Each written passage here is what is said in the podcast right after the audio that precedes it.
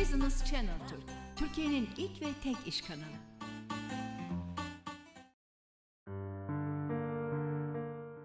Merhaba, ben Nesrin İçli.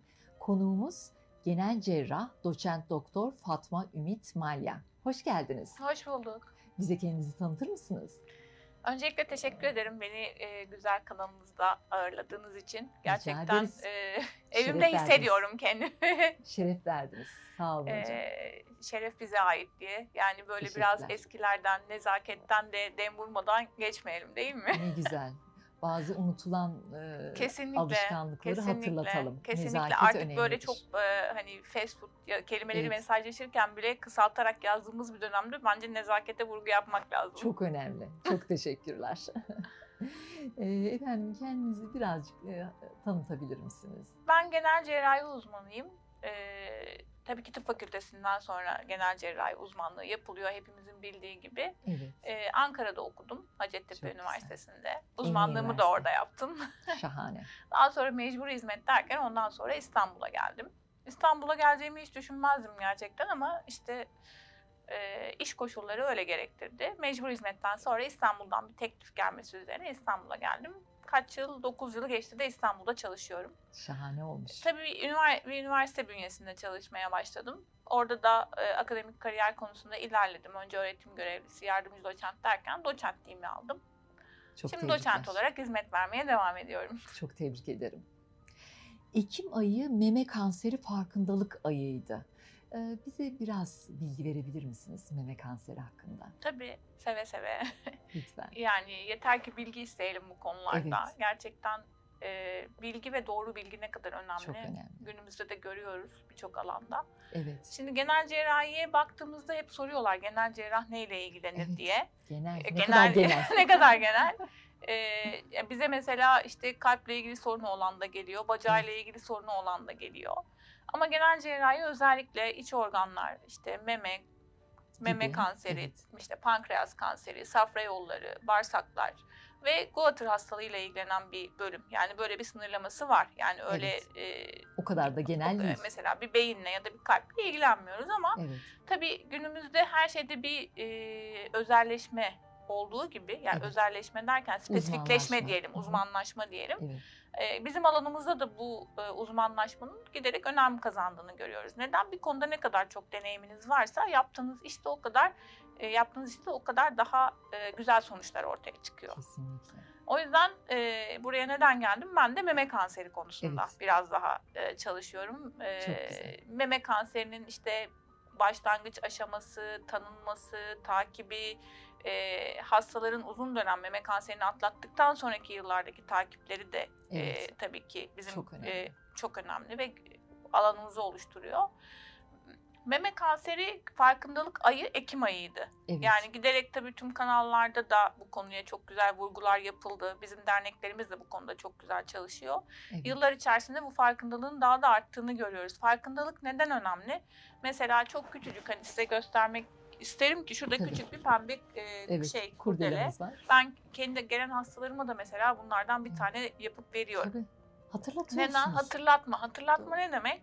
Siz bunu takıyorsunuz birisi gelip soruyor. Diyor ki mesela bu pembe kurdele nedir? Evet. Siz diyorsunuz ki meme kanseri için işte 40 yaşından sonra her kadının gidip bir yıllık mamografi çektirmesi gerekiyor. Evet. Ee, erken tanı konulduktan sonra bu hastalık gerçekten hiç olmamış kadar aynı bir grip geçirmişsiniz kadar sağlıklı bir şekilde hayatınıza devam edebildiğiniz bir hastalık. Ne güzel. Böyle bir hastalığın erken tanınmasını Çok vu- vurgu önemli. yapmış oluyorsunuz. Evet. Dolayısıyla farkındalık demek aslında bu demek. Küçücük bir noktadan Evet. çıkıp büyük bir hayra sebep olmuş oluyorsunuz. Kesinlikle. Dolayısıyla farkındalık bizim için önemli. E, meme kanseri farkındalık ayını da bu şekilde vurgulamış olalım. Ama tabii bir ayla sınırlı kalmıyor. Bu Evet. ayda hatırlatıp bunun e, aynı bir denize bir taş atarmış gibi dalga Evet. dalga bütün bir yıla yayılmasını istiyoruz. Muhakkak. Muhakkak. Hiçbir zaman unutulmaması Hiçbir zaman unutulmamasını gerekir. istiyoruz. Hedefimiz Kesinlikle. o. Evet.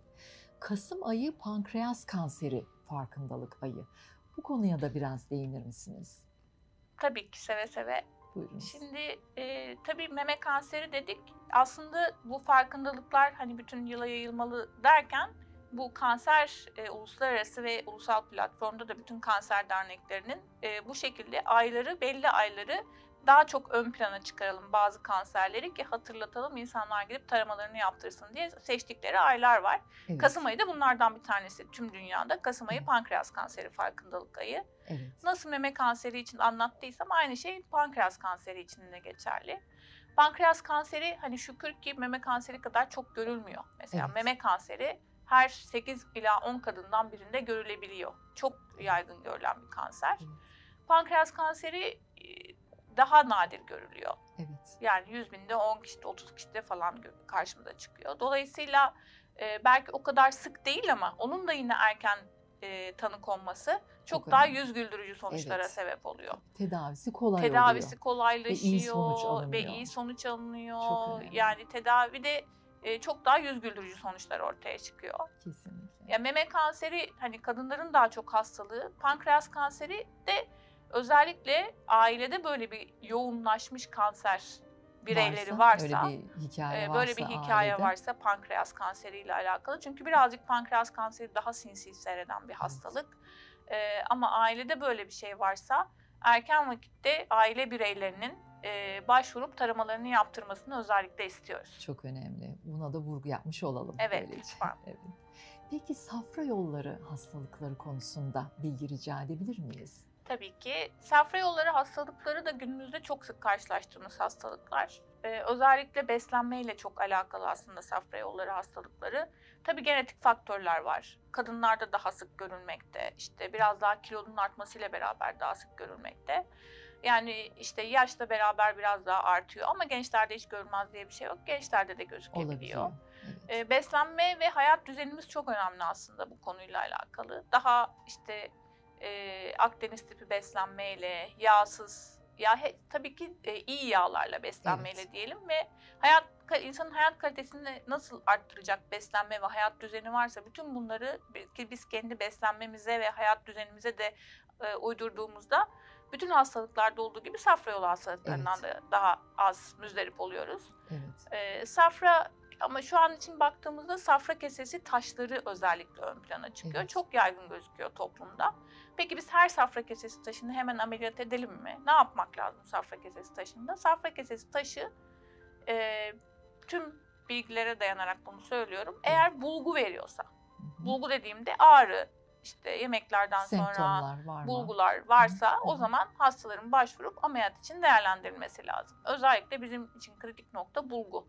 Bulgu veriyorsa, yemeklerden sonra ciddi bir karın ağrısıyla gibi bir bulguyla hastalar başvuruyorlarsa mutlaka o hastalara ameliyat öneriyoruz. Çünkü ben onu yine anlatıyorum hastalarıma. Bu ağrı olmaya başlaması demek bir öncü deprem gibi. Evet. Ee, daha Bir ondan haberci. sonra bir haberci gibi. Evet. Ağrıdan sonra daha işte e, iltihaplanma olsun, ondan sonra işte pankreas iltihaplanma, sarılık gibi birçok başka e, hastalıklarda ortaya çıkabileceği anlamına geliyor. Dolayısıyla e, böyle bir ağrı bulgusu varsa ve safra kesesinde taş bulunmuşsa bir hastanın ameliyat öneriyoruz. Evet. Peki hasta hekim ilişkisi nasıl olmalı acaba? En önemli sorulardan birini sordunuz. Çok önemli. Ee, Özellikle ülkemizde. evet. Çünkü bazı sorunlar yaşıyoruz ne yazık ki. bazı sorunlar yaşıyoruz. Yani sorun tabii ki e, yaşanan sorunların çözümüyle alakalı konuşmak biraz daha belki bizim konumuzun dışında. Yani onu biraz daha yetkililere bırakmak lazım. Bizim kendimizi e, birey olarak öncelikle bir, bilinçlendirmemiz lazım. Kesinlikle. Yani biz hekimler olarak biz niye hekim oluyoruz? Biz e, insana dokunmak, insana e, bir insanı iyileştirmek için hekim oluyoruz. Evet. Yani bir e, bizim öncelikli işte Hipokrat'tan itibaren gelen bizim bize daha ilk tıp fakültesine adımımızı Yeminimiz attığımızda var bir kere. Hipokrat yeminimiz var ve Evet. bize ilk söylenen şey önce zarar verme. Ne yaparsan yap önce zarar verme. Evet. Biz bu bilinçle yetişiyoruz. iyileştireceksin. İyileştirme bilinciyle. Misyon bu Hedefimiz, zaten. misyonumuz bu. Biz bu Evet. yüzden tıp fakültesine giriyoruz. Başka hiçbir amacımız yok. Kesinlikle öyle. Yani Yani hastalar bunu bilsin bir kere. Hastalar bunu kesinlikle bilmeli. Bu Bilmeli. birinci nokta. Hı. İkinci nokta da tabii ki biz bilimin ışığında, bilimin e, el verdiği sınırlar içerisinde e, hastamıza elimizden gelen, elimizde olan e, bütün yöntemlerle il- ilaçlar olsun, işte ameliyat gerekiyorsa ameliyat olsun, onun iyiliği için mücadele ediyoruz. Evet. Peki bunun sonucunda hep olumlu sonuçlar mı ortaya çıkıyor?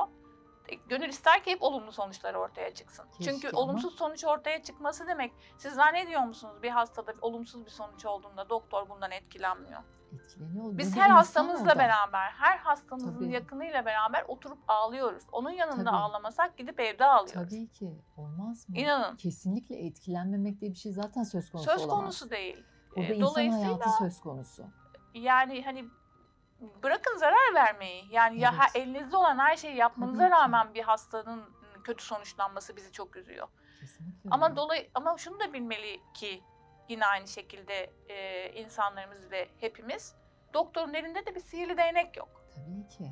Yani İmkanlar elinde olan imkanlar dahilinde El veriyorsa. teknoloji ne kadar el- el veriyorsa e, hastanın bilmesi gerekir ki doktoru onu onu yapmıştır. Evet. Yani sihirli değnekle iyileştirme, İyileştirme yok. yok. maalesef. O yüzden biz e, hasta hekim ilişkisi öncelikle bunları bildikten sonra biz e, hasta has, bir hasta bize geldiği vakit o hastayla bir hocamızın da güzel sözüdür. Artık hani o hasta iyileşse de gitse de e, nikahlanmış gibi oluruz.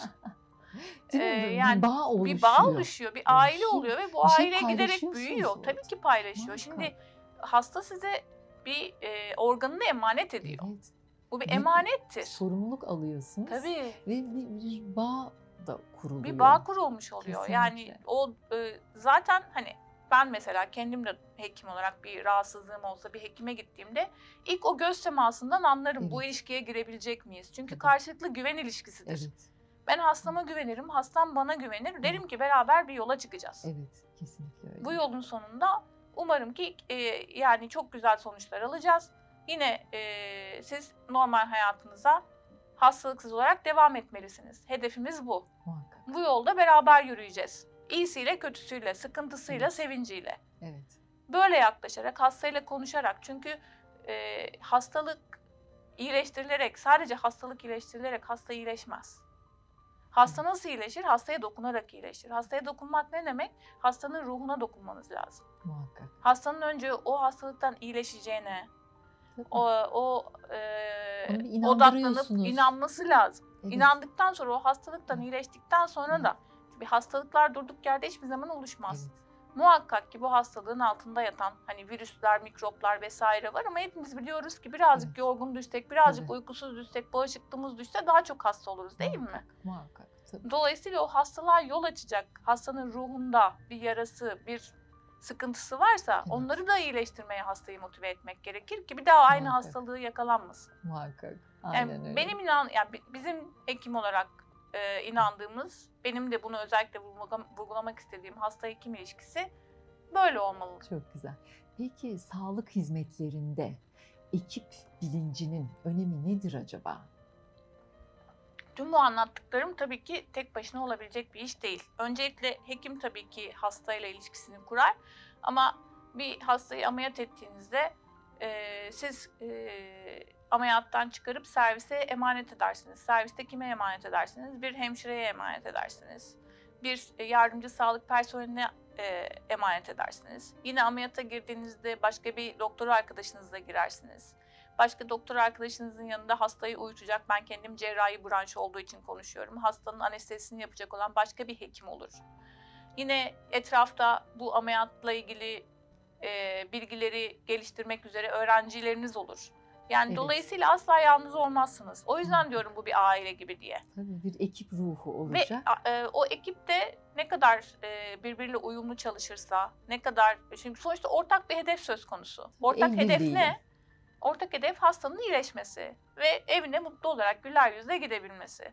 Evet. Dolayısıyla herkes bu bilinçte ve bu asla tek başına olacak bir şey değil. Herkes bir e, yani bir yemek yaparken bile bir işte birisi bir şey koyarsınız, bir un koyarsınız, El bir birliğiyle. el birliğiyle bir ortaya bir sonuç çıkar. Evet. Bu da Çok öyle. önemli. Ben ameliyatını yaparım. Hemşirem takibini yapar. Bir sıkı- sıkıntı olduğunda bana iletir.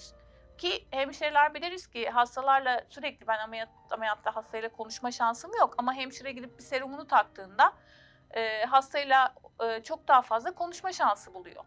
Belki o hastanın az önce bahsettiğim ruhsal sıkıntılarına o çok daha fazla hakim oluyor. Evet. Biz bunu kendi aramızda paylaştığımızda bu hasta için ne yapabiliriz diye gene hastaya çok daha fazla pozitif etkili sonuçlar doğurabilecek bir tedavi uygulama şansımız olur belki. Evet. Peki tıp eğitimi almak isteyen kişilere tavsiyeleriniz nelerdir acaba? Tıp eğitimi almak e, şimdi gerçekten istiyor mu? Bir kere kendine onu sorması lazım.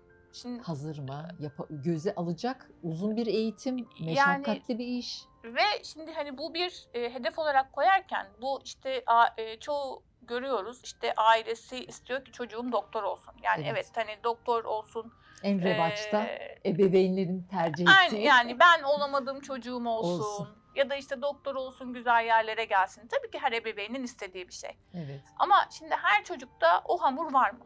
Tabii. Her insanın bir yapabileceği iş vardır. Yani bir kişi çok güzel pasta yapar. Onun elinden pasta farklı. onun elinden pasta yemek keyiftir Evet. mesela. Yani Evet. herkesin de bunu bilebilmesi lazım. Karakter yapısı Karakter uygun meselesi olacak. çok önemli. Yeteneği uygun mu? Biz iki kardeşiz. Benim kardeşim kan görünce bayılır mesela. Çok farklı. Yani şimdi aynı Karakter şeyden, yapısı. aynı e, tekneden çıkmışız diyelim Aha. ama farklı. Tabii. Dolayısıyla öncelikle o yani ailenin de onun farkında olması lazım. Doktorluğu seçecek kişinin de onun farkında olması lazım. Doktor e, bir kere doktor niye ol- olmak istediğine karar vermesi lazım. Para kazanmak için doktor olunmaz. evet. Yani öncelikle ya tabii ki Ticari ti- bakmamak ticari lazım. kaygılarla doktor olunmaz. Tabii Evet. ki para bir araçtır. Hepimizin paraya O ihtiyacı işin var. sonucu o. O Sonucu. Ne işi? Yani iyi Yani ortaya koyması gereken aynen öyle. Ortaya koyacağı şey bir insana dokunacak. Bu insanı iyileştirecek. Sen insanla çalışacak. E buna e, insanı yani kişinin psikolojisinin de hazır olması lazım.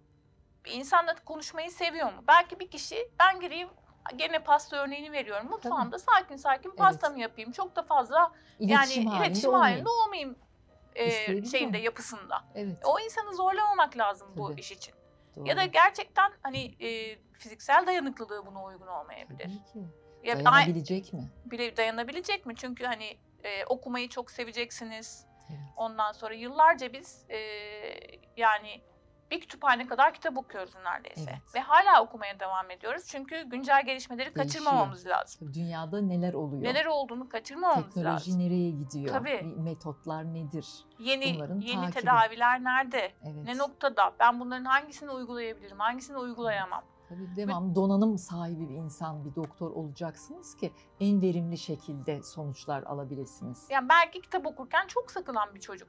O zaman yani Yapamaz. yapamaz. Mümkün değil. Ya bütün bunları göz önüne alıp ondan sonra iyi bir fakülte seçmesi lazım.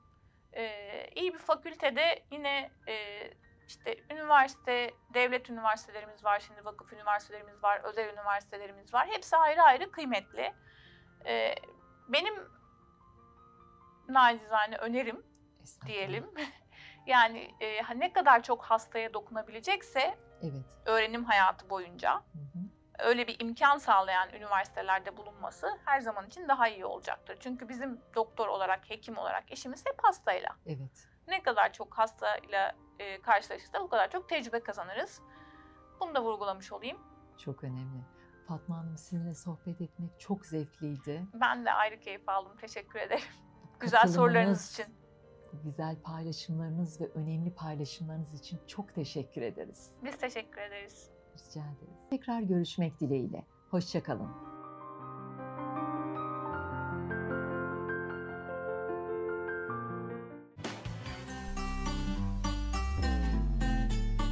Business Channel Türk, Türkiye'nin ilk ve tek iş kanalı.